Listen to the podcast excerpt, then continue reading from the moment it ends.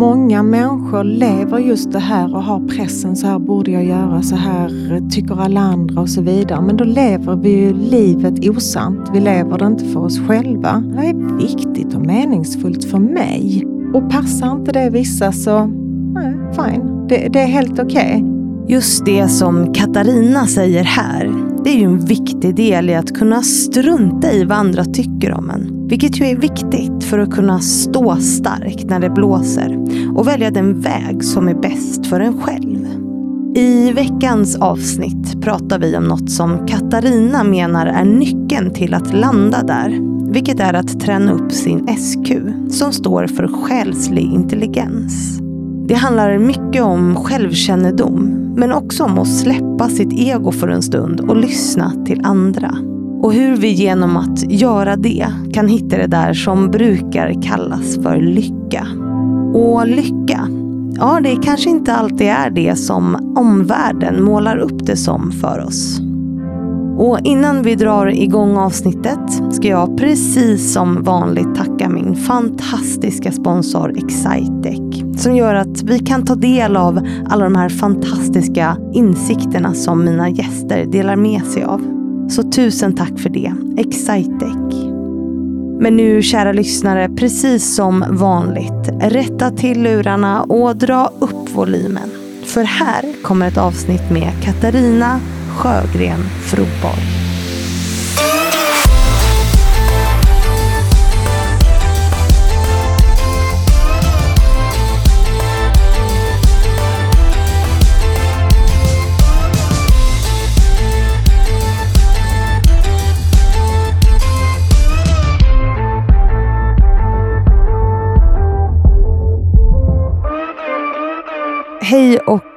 Varmt välkommen Katarina Sjögren Froborg. Säger jag rätt då? Ja. Det är många namn. Det är många namn och eh, det sista namnet sedan några år tillbaka.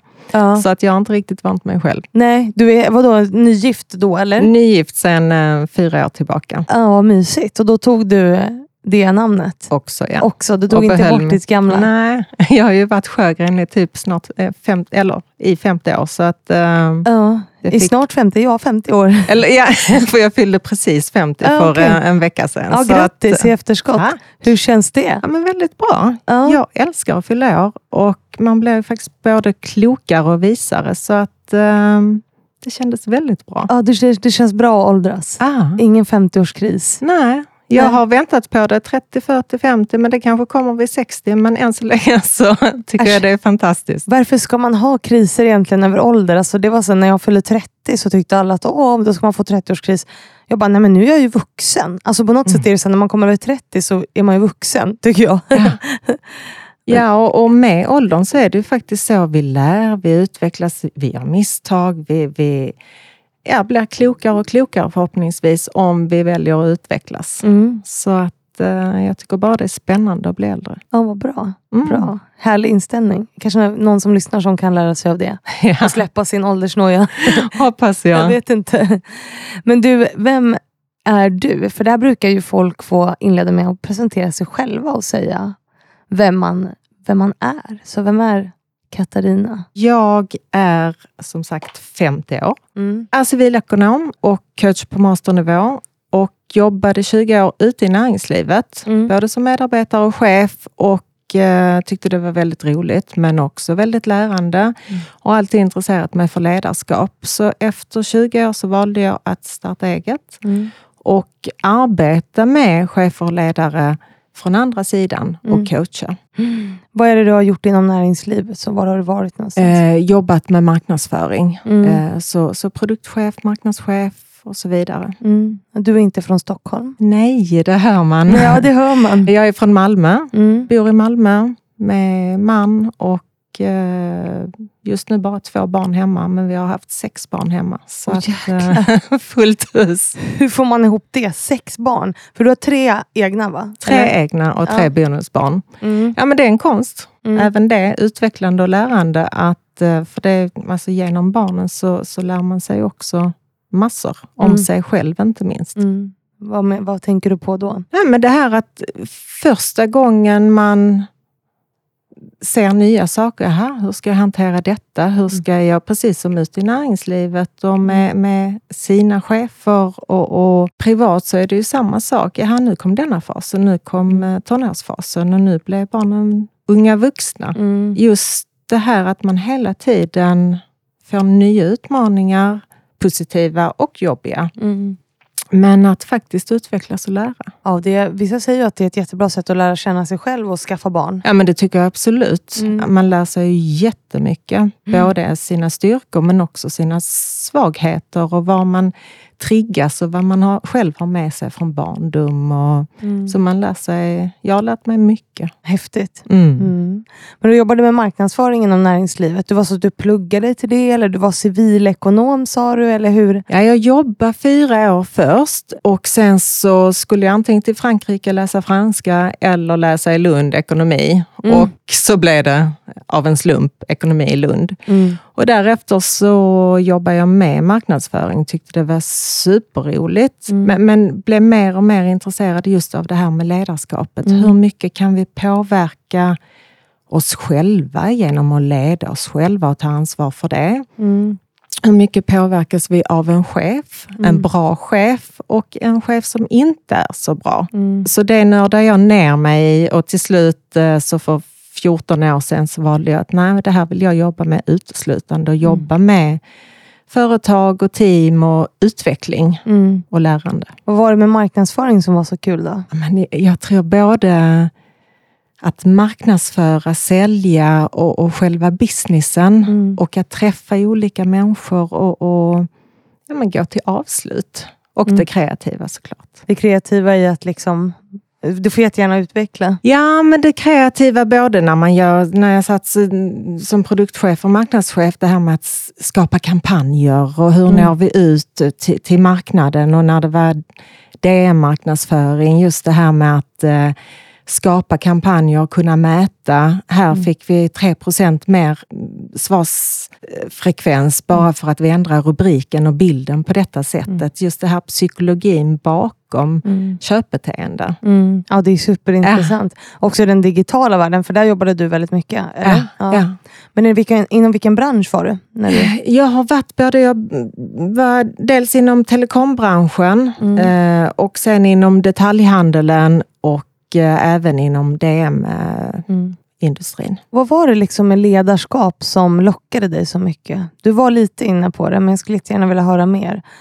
För du, du var först liksom med, jobbade med marknadsföring och sen jobbade du dig upp till ledande positioner. Mm. Vad var det som... Ja, men först blev jag så fascinerad av hur andra människor kunde påverka mig som person, som medarbetare. Mm. Hur en, en stark och bra ledare, en coachande ledare verkligen kunde få mig att använda hela min potential och, mm. Och, och, få mig till att våga utmana mig själv och, och verkligen växa och känna att ja, men jag bidrar här. Mm. Men sen också hur, hur motsatsen, hur, hur vissa chefer verkligen fick en till att kunna känna sig liten och obetydlig och mm. faktiskt inte bra alls. Och, och, och, den tycker jag är otroligt spännande rent mm. psykologiskt. Vad var det för beteenden den här bra ledaren hade? Då? Vad gjorde den ledaren? Ja, men det var det här att, att vara tydlig egentligen med vad det är det vi ska göra, mm. när ska det vara klart, men sen att släppa huret. Mm. Ja, men Katarina, jag tror på dig. Du har, du har ju starka skills inom till exempel färg och form och, och just businessen och nå målen. Mm lägg du upp planen, driv på, vi har, har uppföljningar. Då fick ju jag styra och utvecklas och både göra det riktigt bra men mm. sen ibland också gå på missar. Eh, men jag fick styra. Det, det handlar ju om autonomin, det här som hjärnan verkligen vill ha. Att jag vill mm. kunna utvecklas, jag vill känna att det är meningsfullt mm. och jag vill kunna bestämma själv, det vill säga en viss form av frihet. Mm.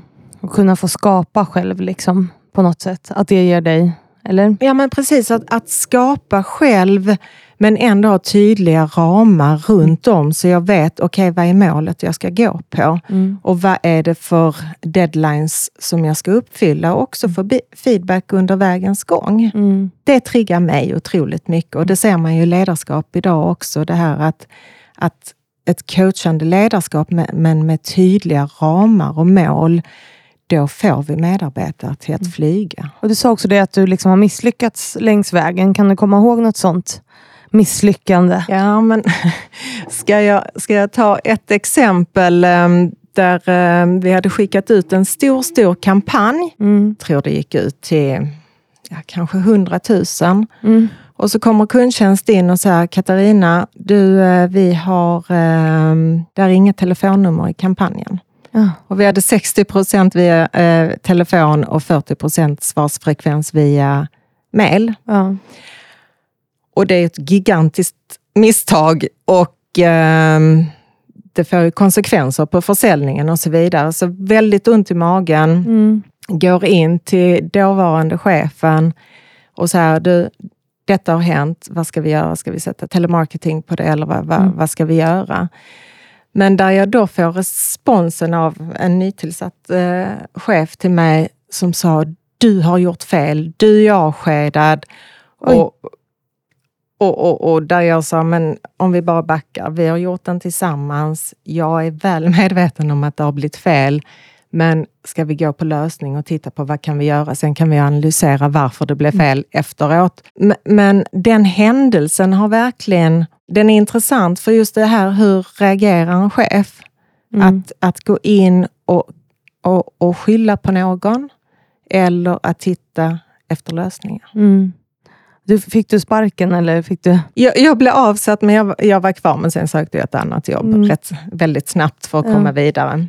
Men eh, just det här att gå på lösning, för fel mm. kan det alltid bli. Och många av de största upptäckterna har ju blivit just genom fel och misstag. Mm. Och det är ju våra läromästare. Men det beror sig också på hur hanterar chefen och man mm. själv saker när det blir fel. Ja, precis. Ja, misslyckande är ju ett sätt att lära sig. Liksom. Absolut. Om man gör det på rätt sätt. På ja. sätt.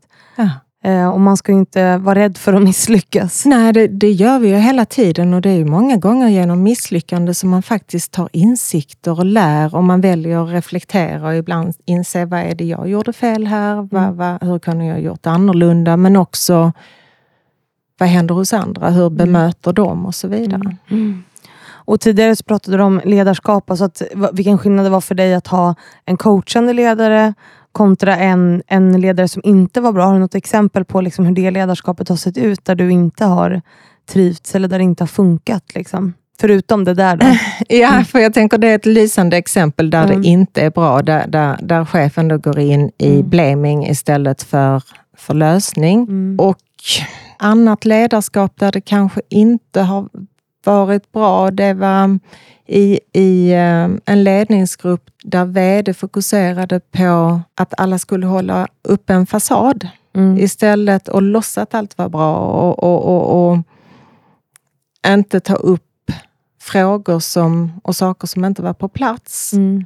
Utan tog man upp frågetecken eller när det inte var rätt då sågs det som en svaghet och man blev uttagen vid sidan och sa du måste vara mycket tuffare och självsäker och låtsas att allt är på bana. Mm. Och, och, och, i det fallet så slutade det med att jag sa upp mig för att det gick helt emot mina värderingar och min tro. Mm. För att ska du kunna lyckas och förbättra måste man ju ta upp saker. Det är därför man har en ledningsgrupp. För mm. att man ska lyfta allt som är bra men också det som inte är på bana för mm. att komma framåt. För att kunna göra saker bättre. Ja. Det kan du ju aldrig göra om du inte pratar om det som inte är bra på något sätt. Alltså, ja, då lever man ju enligt en fasad och, och, och något på låtsas. Mm. Och då kan det ju inte bli förbättrat. Nej, för förändring skaver ju på något sätt. Ah. Och det handlar ju om att ja, men identifiera vad är det som skaver och sen hur kan vi lösa det på något ja. sätt. Och Det går ju inte om man lever i en värld där det är... Men det är väldigt lätt att leva i en värld där man är privilegierad och går runt och bara allt är bra. Mm. Eh, om man inte ser problemen så, så blir ju livet lättare på något ja. sätt. Ja, och, och, och, men i slutändan blir det ju ett luftslott. Ja. För man måste ju lyfta saker och, och, tänker man på just på förändring så, så, så är det ju som eh, alltså change is the only constant. Det är mm. ju förändring, förändring och, och mm. vad, hur kan vi utvecklas i det? Mm. mm. Förändring är ju också läskigt. Ja.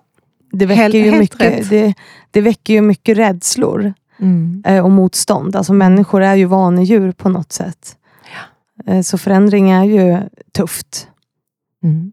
Hur har du hanterat förändring i, i ditt liv? Jag tror att min, min personprofil och, och, mitt sätt att jag har relativt lätt för förändring. Mm. Eh, för att jag är rätt så målmedveten och lösningsfokuserad. Mm. Men, men, jag är väl medveten om att den är väldigt olika hos olika människor. Mm. Att vissa har väldigt svårt för förändring, andra har väldigt lätt för det. Mm. Eh, sen kan det vara förändring i olika saker som, som också är lätt och svårt för, mm. för, för oss alla. Men eh, förändring, jag brukar titta på, okej, okay, men livet händer ju hela tiden. Mm. Och vi ska inte vara kvar bara i samma saker, för, för, för då utvecklas vi inte. Och vi blir ju äldre och vi får nya jobb och saker händer. Så att utveckling är ju konstant mm. egentligen, mm. förändring. Mm. Och människor utvecklas konstant. Ja. Man är ju aldrig klar på något sätt. Äh. Det finns alltid något nytt att lära om livet. Ja. Ja, men och det är ju det som gör det intressant att leva, tänker jag. För det här att leva utan att utvecklas och, och ta insikter och bli klokare och visare, mm. då är det ett rätt så tråkigt liv enligt mm. mig. Ja. Men, men du jobbade dig upp inom näringslivet i många år. Mm. Eh, upp till ledande positioner inom marknadsföring framför allt. Mm. Eh, och så utbildade dig, du sa att du hade en master inom coach, eller Eh, ja, ja, ja, ja, coach på masternivå. Ja, vad innebär det? Liksom? Det innebär att det finns en eh, stor internationell federation för, professionella coacher mm. eh, som är global. Och eh, då finns det olika nivåer eh, mm. och hö absolut högsta nivån i världen är masternivån. Mm. Och det är där jag är coach. Och det innebär att du måste ha flera tusen timmars klienttimmar. Du måste har väldigt många och långa utbildningar och mm. eh, köra upp så att säga mm. för att ha den här masternivån. Och vad innebär det att vara coach? Liksom? Vad gör en coach? Ah, bra fråga. En coach finns egentligen som ett bollplank för att du som klient mm. ska lyfta dina tankar, dina mål och ha ett bollplank och få rätt mm. frågor för att du ska utvecklas och gå framåt och mm. nå målen. Mm. Det, och det där är ju svårt. Jag vet jag, och jag tänker för dig då som säger att du är lösningsorienterad, för det är ju jag också. Mm. Och när man ska ha coachande samtal ska man väl inte egentligen lösa problemen, utan då ska man låta folk komma fram till lösningarna själva. Jag vet att jag eh, spelade in ett eh, avsnitt med Eva Ekedal som har fantastiska Karriärpodden. Och Vi eh, då skulle testa att coacha varandra, och hon, för hon är också coach. Och jag bara, så här, det, det blir jättesvårt för att jag vill ju bara lösa problemen. Liksom. Hur tänker du där?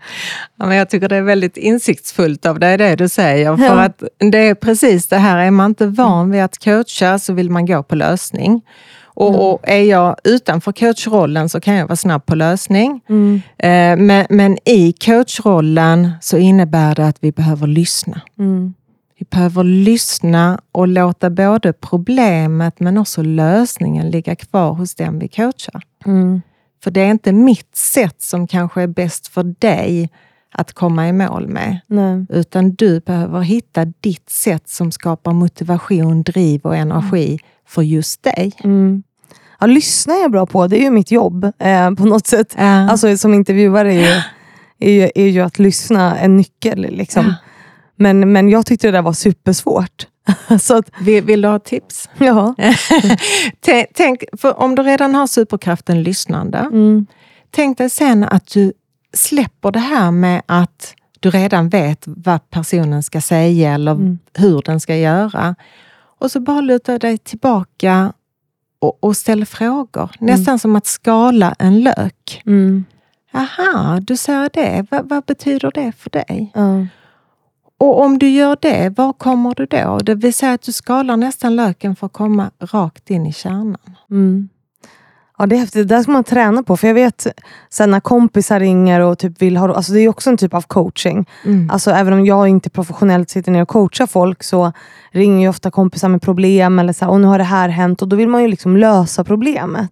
Då vill mm. man ju hjälpa dem och stötta dem. Och, men oftast är ju det kanske inte det bästa sättet att stötta någon utan det är som du säger, att låta människor komma fram till lösningen själva ja. på något sätt. Ja, och, och, och där är ju skillnad. För du, man har ju ett coachande förhållningssätt, man har ett coachande samtal och sen så kan man ha professionell coaching så att mm. säga och, och mm. coachande ledarskap. Men, men, jag tänker även som i samtal med, med vänner eller när man att man tänker på fyra olika nivåer av lyssnande. Där ja. första nivån av lyssnande är inre lyssnande. Mm. Till exempel om, om du säger, ja men jag köpte en, eh, en gul eh, bil. Ja men gjorde du? du jag, jag köpte, jag hade en gul Golf där på 90-talet mm. och så tar man över samtalet. Mm. Det är ju inte coachande. Nej. Men andra nivån, det är fokuserat lyssnande. Mm. Det vill säga två stora öron. Mm. Och ibland vill ju vänner bara bli lyssnade på. De vill inte ha någon lösning. Nej. Så man kan ju ibland fråga, vill du att jag lyssnar eller vill du ha tips och råd? Mm. Och sen tredje nivån av lyssnande, det är globalt lyssnande. Mm. Där man börjar ställa frågor och nyfiket och speglar lite motparten. Och sen fjärde nivån är intuitivt lyssnande, där man verkligen lyssnar under ytan, det vill säga hela det här isberget som fortsätter under ytan. Det är aktivt lyssnande är också ett annat ord för det, va? eller hur? Ja, ja precis. Ja, för jag, jag skriver om de här i min, i min ah, nya bok. Ah. Eh, hur jag tror att just lyssnande är liksom nyckeln till så sjukt Ja. Mycket. Nu kommer inte jag ihåg författarna, men det är ju två män. Eh, ja, män säger jag och, och, och, himla med ögonen. Men de har skrivit en bok som handlar ju om just aktivt lyssnande. Mm. Och liksom vad det gör med, med människor. Alltså ja. den som blir aktivt lyssnad på växer ju, känner ju tillit. Mm. Liksom. Mm. Och den som också lyssnar växer ju också som människa om man aktivt lyssnar. Men det är ju en konst att göra det. Men, och det är ju en kompetens att lyssna. Exakt, och det är helt rätt ord som du säger, att det är en kompetens mm. som vi hela tiden kan utveckla. Mm. För man är olika bra lyssnare i olika situationer. Ja. Där, där är jag i min professionella roll så kan jag vara, är jag en väldigt mm. bra lyssnare. Men ibland till exempel med, med, med barnen kanske jag inte lyssnar på riktigt. Nej. För att jag är inte i den rollen. Nej. Ja, men vad spännande att du, du, skriver om det i din bok. Ja, ja, det är en del av det. Jag tror att det är en, en lösning på otroligt mycket problem i vår värld. Mm. Att vi måste liksom lära oss att lyssna på andra. Ja. Alltså, sen är det ju så här, men man kan ju inte gå runt, och, för det tar också väldigt mycket energi. Eh, eller tar och ger. Alltså jag brukar ju säga att eh, de här poddinspelningarna för mig är ju som en meditation. Liksom, mm. För att jag, det är få stunder jag, alltså en av de få stunderna som jag sitter och faktiskt jag skulle säga aktivt lyssnar. Liksom. Ja. Eh, och, och Jag blir trött av det, men det är också, eh, energi, ger ju mig energi. Eh, men jag tror att det finns en Alltså det är en så viktig lösning på mm. världens problem på något sätt. Att vi lär oss att lyssna. Och sen kan vi inte alltid göra det. Alltså som du säger, det är ju olika situationer. Mm. mm. Jag menar det här ytliga lyssnandet som du beskriver först. Det här ofokuserade som jag mm. beskriver det. Mm. När man liksom, ah, kanske inte lyssnar egentligen, men det är ju ett samtal på något sätt. Eh, som jag ofta har med mina vänner. Så det är också okej. Okay. Men jag tror att vi alla människor behöver träna på att lyssna. Ja.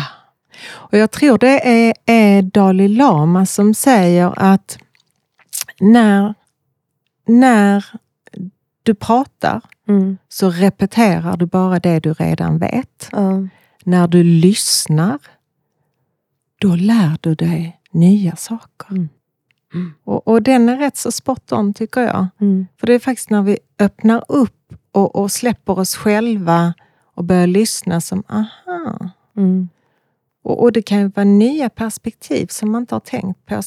Alltså det som snurrar i ens egna hjärna. Ja, för det som, eh, det som jag har reflekterat över är ju att jag till exempel har lärt mig sjukt mycket om mig själv. Mm. Jag har byggt min egen självkänsla jättemycket. Min egen självkännedom bara genom att lyssna till andra. Ja. För det är ju mitt jobb, liksom, mm. att intervjua folk.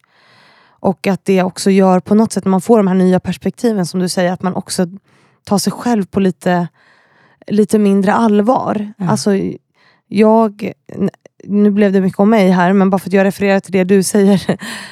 um, att när, när man liksom lyssnar och inser att så här, andra har det sämre och så vidare, eller överlag vidgar sina perspektiv, att man tar sig själv på mindre stort allvar och att det blir lättare också skilja liksom det viktiga från det oviktiga på något sätt. Mm. Um. Ja, och det är så viktigt det du säger. Och, och i, i, boken som, som jag har skrivit så benämner jag det just som att, att gå mer från sitt ego till att gå upp i sitt högre jag. Mm. Det vill säga, det, det, är otroligt befriande och man växer också samtidigt genom att ta sig på mindre allvar. Mm. Man är värdefull och viktig, mm. men världen står och faller inte med liksom de här små detaljerna och att man älter saker som egentligen inte betyder något. Eh, och att, ja, att, att ens egna ego är inte det, det viktigaste, utan vad är det vi bidrar med? Mm. Som, som är det viktiga. Ja, och det gör ju också att det är lättare att, att så här skita i vad andra tycker om en. Ja. Tänk, tänker jag. Mm. Att om jag inte tar mig själv på så stort allvar, om jag inser att jag inte är världens centrum på något sätt, eller så att då, då är det också lättare att få distans till sig själv och så skita i vad andra tycker. Mm. För vi lever ju ofta våra liv liksom utifrån andras blickar på något sätt. Vad, vad, vad är framgång? Vad är liksom lycka? Vad är, ja, det finns en utstakad väg för alla enligt en viss norm. Massa karriär, barn, nu ska du göra det här. Och så lever vi våra, våra liv utifrån det på något sätt, väldigt ofta. Eh, och, och sätter vårt värde utifrån vad andra tycker om oss. Mm. Eller vad tänker du om, om det? Alltså, jag, jag, jag, tänker att det du säger är otroligt viktigt. För, för många människor lever just det här och har pressen, så här borde jag göra, så här mm. tycker alla andra och så vidare. Men då lever vi ju livet osant. Vi mm. lever det inte för oss själva. Mm. Och, och, och jag upplever, för nu är jag typ 20 år äldre än dig, mm. att, att det blir lättare och lättare att släppa släppa det här, vad ska andra tycka och, mm. och vad borde jag göra? Och faktiskt gå in och leva enligt mina värderingar. Vad är viktigt och meningsfullt för mig? Mm. Och passar inte det vissa så, nej, nej. fine. Mm. Det, det, är helt okej. Okay. Mm. Och att verkligen gå enligt värderingarna som faktiskt är vår livskompass. Mm. Och, och, och, I det så lär vi ju känna oss själva och med självkännedom som du säger, ja men då är det lättare att stå starkt. Mm. Alltså nästan som ett träd som har starka rötter och liksom lyser och en mm. stark stam och, och en, en, stor krona. Mm. Det här är jag, det här står jag för. Mm. Sen är jag villig och öppen och nyfiken på att ta nya insikter och lära mer och kanske ändra åsikter. Mm. Men jag står ändå tryggt i mig själv. Mm. Men lever vi ett helt liv bara för andras skull? Ja, för, om vi går till kärnfrågan, var, var, varför är vi på denna jorden? Alltså ja. var, varför lever vi? Mm. Och inte tror jag att det är för att leva för andras skull eller för att andra ska tycka att jag har ett superfint CV. Nej. Vad hjälper det mig när jag står på mitt 80-årskalas? Jag har i alla fall ett bra CV. Mm.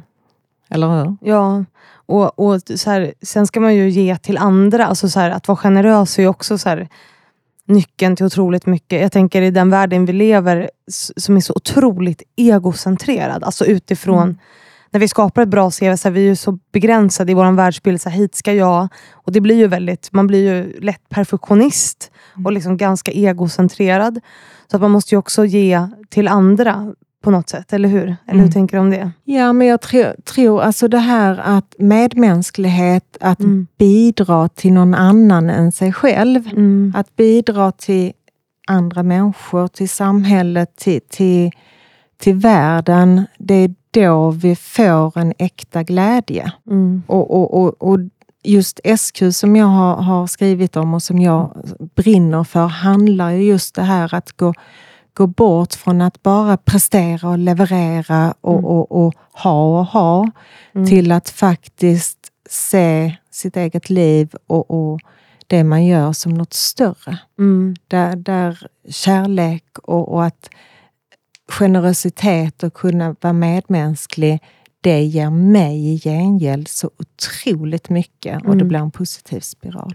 Ja, det är, super, eh, det är superhäftigt. Och din bok, nu får du säga vad den heter. Lev, lev mer, eller hur?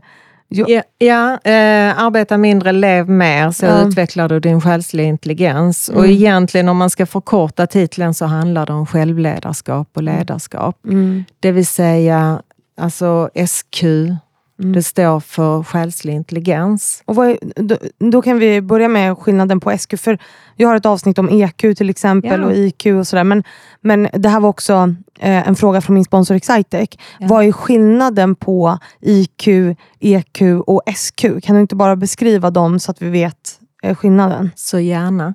Eh, IQ det är vår in intelligenskvot. Mm. Det är vårt rationella tänkande, våra tankar. Mm. EQ emotionell intelligens, mm. det är våra känslor, relationer. Mm. Och IQ har ju alltid varit viktigt i, om vi tittar näringslivet mm. och, och, ledarskap. Därför jag aldrig lyckades. Nej, Nej, men det är ju en, en, en del som vi, vi har ju alla IQ. Ja. Men sen så har vi då EQ. När, när det kom på 90-talet sa man ju ofta i näringslivet, vad är det där för trams? Känslor, det, här ska vi producera. Känslor och sånt ja. skit. Ja, så, och lite kvinnligt, äh, ja. trams. Ja. Eh, men idag vet vi med hjärnforskning och så att känslor och relationer är ju mm. superviktigt för vi är känslomaskiner som kan tänka och inte tankemaskiner som kan känna. Mm. Och sen så har vi då SQ.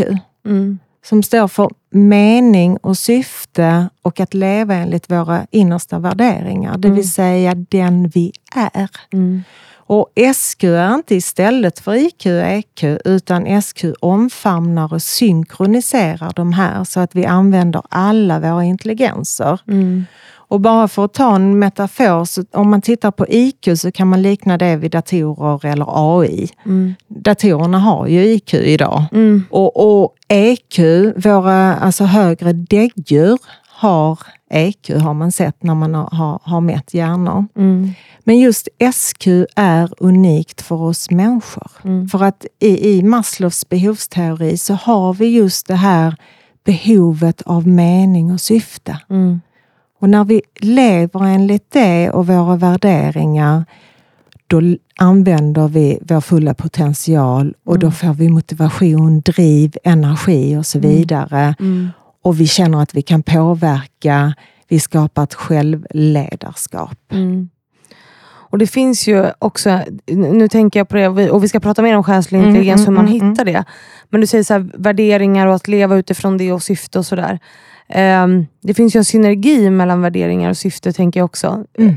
På något sätt. För att jag, jag till exempel, jag ju, har ju väldigt starka värderingar och jag drivs ju väldigt mycket av så här, jämställdhet. Det är ju liksom en av mina grundvärderingar i typ mm. allt jag gör. Mm. Och, men samtidigt så är det ju så här, för det finns ju också en bild av att så här, typ sådana som mig då, som är ganska tydlig, ganska förknippad med jämställdhet. Så att jag att jag är en sån PK-person som alltid gör rätt till exempel. Som alltid lever mina värderingar. Och det gör jag ju såklart så mycket jag bara kan. Men ibland behöver man ju också tumma på det utifrån sitt syfte. Förstår, förstår du min synergi som jag menar? Jag ska ge dig ett konkret exempel eh, mm. som jag har reflekterat över. Eh, jag blev nominerad till Ellos Awards. Mm. Eh, och eh, det blev kritiserat därför att det var så här femwashing då, att Ellos skulle tjäna massa pengar på det där och vi som jämställdhetsprofiler då bidrog till femwashing, eller pinkwashing kallas det ju. Mm eh, att de skulle kapitalisera på på oss och så vidare och jämställdhetsfrågan och feminismen, vilket ju är rätt. Men mm. det man vann eh, var delvis pengar, men du vann också att du fick komma in på LOS och jobba med deras jämställdhetsarbete. Mm. Och, och då tänkte jag så här, okej, okay, men om jag tackar ja till den här nomineringen, då tummar jag på mina värderingar. För jag tycker på ett sätt inte att det här är rätt. Mm, mm, mm. Men när jag gör det, om jag då kommer in i det här rummet, så kommer jag närmare mitt syfte. Som är att kunna påverka inne i maktens rum mm. och liksom eh, bidra med någon typ av förändring. Eh, eller vad är, vad är, din tanke om det? Så att ibland tummar man ju också på sina värderingar att det måste vara okej. Okay. Ja, och, och, och, och jättebra exempel. Och just det här med att livet är inte svart och vitt. Nej. Och ibland så måste man ju verkligen, för, för när jag gör övningar just med, med, klienter eller med företag, det här att mm. verkligen ta fram sina innersta värderingar mm. för att kunna leva enligt dem. Så, så, brukar jag säga att tumma inte på dina värderingar. Mm. Men, säger jag alltid, ibland så behöver vi göra det för det längre och högre syftet, mm. precis som du säger, gör att jag behöver tumma här lite på vägens gång. Mm. För att det gagnar det större målet och syftet. Mm. Men då gör vi det med ett medvetet val. Mm. Och Jag tror där är den stora skillnaden. Mm. Men om man lever ett helt liv eller gör saker som går helt emot våra innersta värderingar, mm. då kommer vi ha en känsla i, i magen, i kroppen, som det är något som inte stämmer. Jag tycker inte det är roligt, eller jag mår inte bra, eller det, livet är en kamp. Och det är ofta när vi går emot våra innersta värderingar. Mm. Mm. Men, men, för att kunna leva enligt vår, våra värderingar så måste vi faktiskt ta reda på dem. Och, och, när jag är ute och föreläser, många gånger för stora grupper, mm. och, och frågar vilka är era fem toppvärderingar? Mm. Det är nästan ingen som kan dem på rak arm.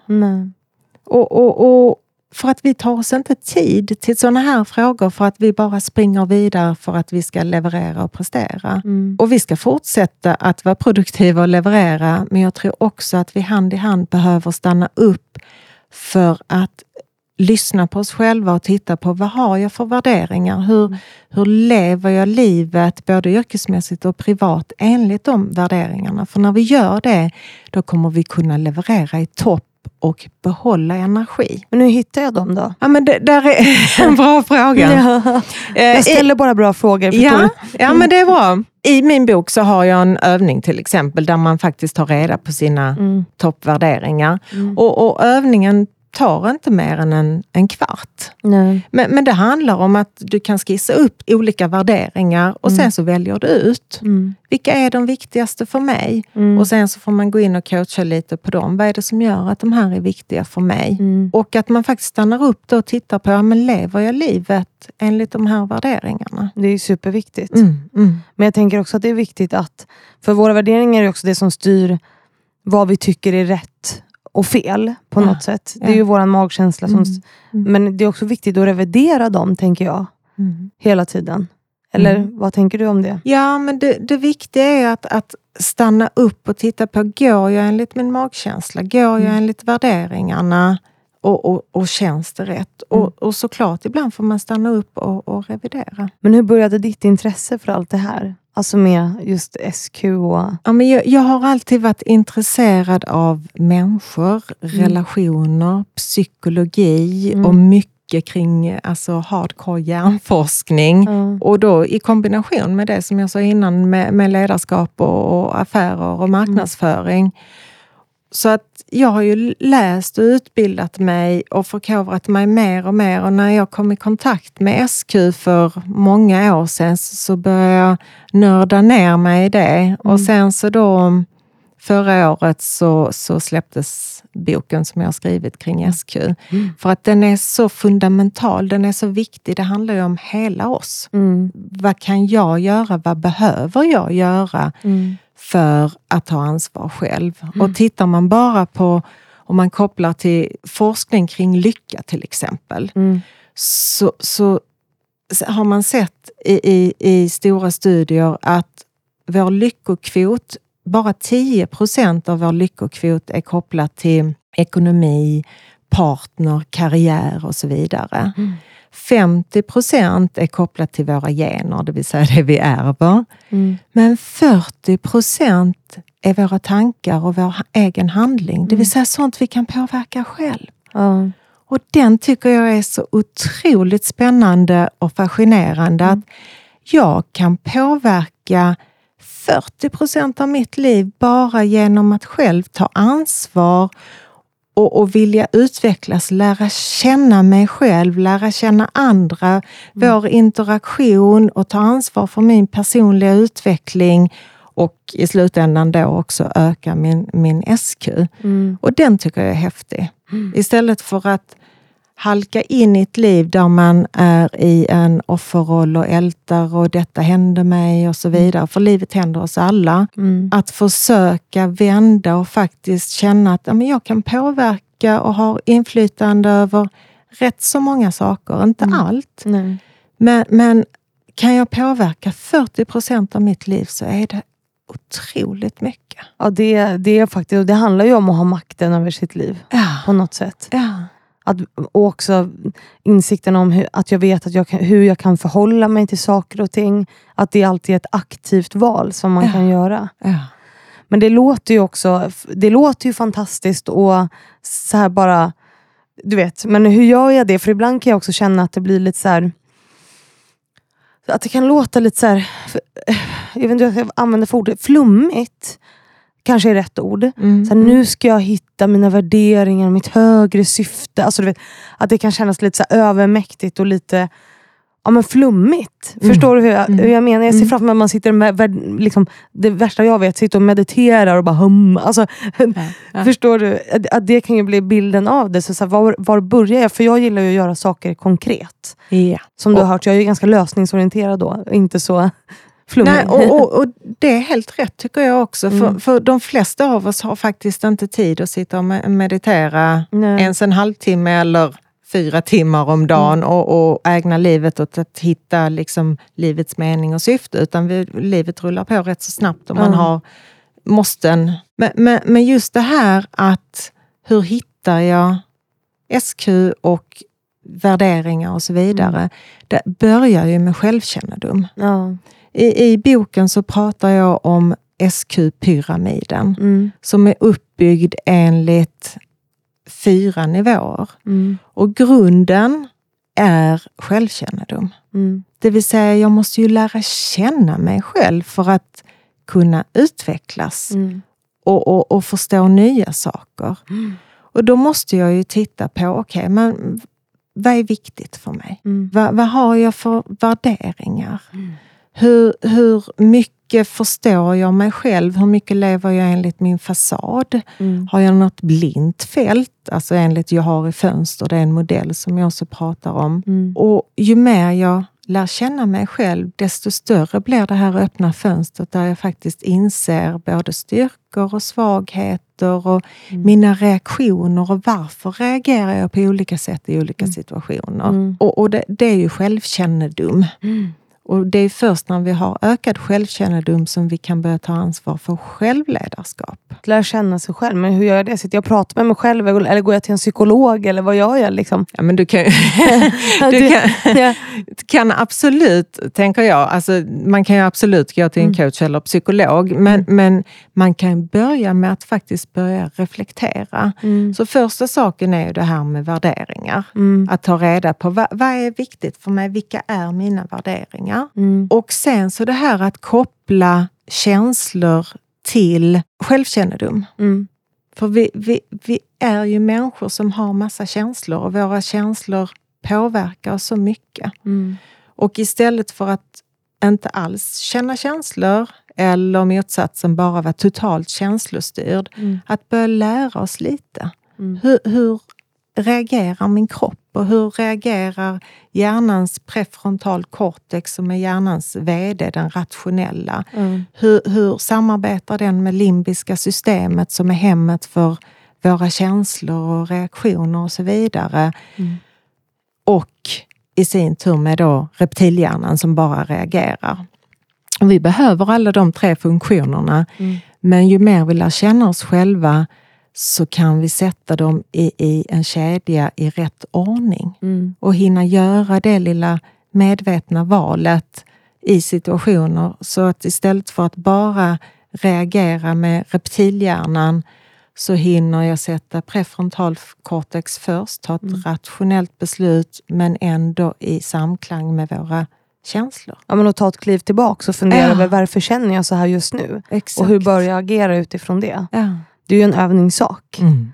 Alltså, som kräver mycket medvetenhet Ja. och som du säger, självkännedom på något Ja. sätt. Ja, och känner jag inte mig själv och inte är intresserad av att utvecklas och lära, då tenderar vi alltså, i, i högre grad till att skylla på andra. Mm. Det var den som gjorde det, det var det som hände, det är därför jag känner så. Mm. Och det är alltid yttre drama och händelser Mm. som är skulden. Ja. Men livet kommer ju fortsätta hända oss. Mm. Men om jag själv börjar titta på, okej, men vad händer i mig? Mm. Varför jag får tankar, varför jag får reaktioner? Och har jag olika val? Mm. Kan jag reagera på ett annat sätt? Mm. Hur påverkar det mig? Mm. För man vet ju själv ibland om man det är en händelse, jag reagerar. Om jag behåller mig lugn Mm. eller om jag flippar ut. Ja, vad blir effekten av det? Mm. Eh, men att man gör medvetna val. Mm. Och också tänker på vad, vad kan jag alltså, ha inflytande över? Vad kan jag påverka? Mm. Och Jag tänker också, eh, och jag, eller vi var inne på det lite tidigare, att det är viktigt att tänka, för jag kan känna att det är så svårt ibland.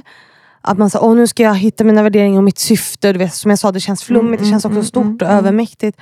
Att man också inte får glömma att så här, syfte och värdering och allt det här, det ändras ju längs vägen. Som Mm. du var inne på tidigare. Mm. Alltså, det är en ständig utveckling att vara människa. Ja. Så att syfte, mitt syfte idag är ju en sak, men det kan ju vara något annat om några år. Mm. Men att man ständigt behöver liksom reflektera det för sig själv. Eller vad tänker du? ja, och det är precis som du sa, att man tar sig tid för reflektion. Mm. För om vi bara springer på så, så hinner vi inte reflektera. Eh, så att stanna upp, reflektera Mm. och, och, och syfte. Ofta känner man också när, när jag får motivation, driv, det är lätt. Mm. Jag har ett flow. Mm. Då går vi ofta i linje med våra värderingar och Mm. det är rätt och Mm. det är meningsfullt. Mm. Kontra om jag går till mitt arbete varje dag och bara känner att åh, nu är det morgon igen. Ah. Jag har ångest. Då går vi förmodligen mot våra värderingar och att det inte är meningsfullt för just mig i denna rollen eller situationen. Typ, åh nu är det måndag. Alltså då kanske man ska börja fundera. Ja men precis, jag hade en, en klient eh, häromveckan som, so- som valde att säga upp sig från ett extremt högbetalt och väldigt flashigt Ja. eller en flashig roll och tog en, en annan roll inom en eh, eh, bransch som låg nära den personens hjärta. Mm. Och som sa det som natt och dag. Ja. Nu vaknar jag och känner, åh, gud vad roligt. Och jag har de och de mötena. Sen är det såklart i vardagen har man jobbiga och, och, och, och roliga saker. Men det här att det här känns viktigt och meningsfullt för mig. Mm. Kontra att göra något som, nej, det här, jaha, och vad, vad, vad tjänar detta för syfte? Mm. Vad har jag bidragit med när jag har suttit här i tio år? Mm. Eh, Så jag tror det är viktigt att stanna upp. Tänk hur många som lever sina liv så. Mm. Alltså det är ju så vanligt. Alltså vi, vi har ju skapat ett välfärdssamhälle där människor typ hatar sig själva bara för att vi ska leva upp till någon krav och liksom uthärda saker och Mm. vara en viss typ av människa. Det är ju vidrigt faktiskt. Mm. Tycker jag. Ja, men och, och, och det är ju slöseri med liv. Mm. Sen måste, alltså, vi, vi behöver ju ha ett uppehälle, vi behöver tjäna pengar för att kunna försörja oss. Mm. Men, men har man den lyxen så att man på något sätt kan välja lite Mm. vad är viktigt och hur mycket pengar behöver jag tjäna egentligen? Är det viktigare att jag mår bra Mm. och hittar det som där jag kan bidra kontra att bara i kramp sträva och kämpa. Mm. Vad ger det mig i slutändan? Mm. Och jag brukar göra en övning som, som heter 80-årskalaset. Det här att man sätter sig ner och funderar på om jag skulle ha mitt 80-årskalas nu Mm. och jag skulle hålla mitt tal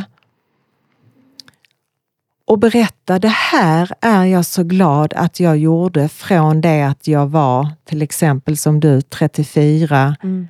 fram tills jag är 80. Ja. Vad är det jag är så stolt och glad som jag berättar om? Mm. Ja, Där är hittar man lite, alltså en nyckel till, okej vad är det jag vill fylla de här kommande åren med? Mm. Sen behöver vi ju som du säger, vi behöver alla uthärda saker i vardagen. Så vi kan inte alla gå runt och lalla runt och bara oh, så här. Så funkar ju tyvärr inte livet och samhället så. Men, men jag tror som du att man skulle, många skulle må så mycket bättre genom att göra saker som är meningsfulla för mig. Och det behöver Mm. inte vara att jag ska förändra världen eller liksom driva massa förändring eller påverka. Utan alltså vad som är meningsfullt för mig är ju inte samma för dig antagligen. Alltså så. Nej precis, och det är ju olika för oss allihopa och det handlar absolut inte om att man ska jobba med, en välgörenhetsorganisation bara för att ge mening, utan jag kan sitta på en ekonomiavdelning och tycka detta är meningsfullt och viktigt. För det är, är meningsfullt för mig. Mm. Eh, så, så det handlar ju verkligen om utifrån mig själv. Och där har vi ju självkännedom igen. Mm. Jag måste ju veta vad jag känner, vad jag vill för mm. att kunna leda mig åt det hållet. Mm. Och jag läste en uh, jätteintressant uh, artikel i, i Svenska Dagbladets uh, näringslivsbilagan idag mm. uh, på tåget upp till Stockholm. Och där de, de hade gjort en stor undersökning och där, där man såg då att motivation trumfar stress. Mm. I den här artikeln så var det just det här att många jobbar och är superstressade och bränner ut sig. Mm. Men så hade man sett i de här stora studierna att eh, just bland kanske entreprenörer, de som har egna bolag, de jobbar mycket mer och spenderar mycket mer tid. Men de har kvar sin låga. Mm. För att det är motiverande, det är meningsfullt och man, man känner en form av frihet. Mm. Det är för att man har valt själv ja, och, och just det här att motivationen, den vinner till slut över stressen. Och, mm. och, det betyder inte att alla ska vara egenföretagare utan även som anställd. Det här, vad är det som, som gör att jag känner att det är motiverande mm. Och, och, och, och, att det är meningsfullt? Mm. Att man själv börjar nysta för att hitta det. Mm. För det är faktiskt mitt eget ansvar när jag sitter i denna rollen, vad kan jag hitta i detta istället för att fokusera på att allt det som inte är bra eller att jag är så stressad. Mm. Så det är ju än en gång tanke, handling som jag kan styra själv över. Mm. Och, och hjärnforskning visar också att medvetet skifta fokus. Mm. Ligga inte kvar och älta allt som är dåligt utan fokusera på det som är bra och det jag är mm. tacksam för. Och är det saker jag vill förändra, okej, okay, men då får jag göra en plan för att försöka skapa en förändring. Mm. Och vi börjar få ont om tid. Eller vi är, vi, ja, det, det, tiden är slut. eh, är det något du känner nu att vi har missat som du vill lyfta innan vi avrundar? Jag tycker vi har... Ja, nej, jag tycker du har ställt jättebra frågor och eh, det kanske man ska lägga till det här Alltså, som jag skriver i boken, det här med att kunskap, med kunskap så hanterar vi vår yttre värld. Och med visdom så hanterar vi vår inre värld. Mm. Och, och, det vi har pratat om idag, just SQ, det är ju vår inre värld. Mm. Att vi, vi behöver både och. Mm. Det är superviktigt. Mm. Så både kunskap och visdom, men att det får lov att gå hand i hand. Mm. Men då säger vi tusen tack för att du har varit här. Mm. Stort tack Fanny. Och tusen tack till alla er som lyssnat på veckans avsnitt. Jag hoppas ni får en bra vecka och så hörs vi ju på onsdag igen, precis som vanligt.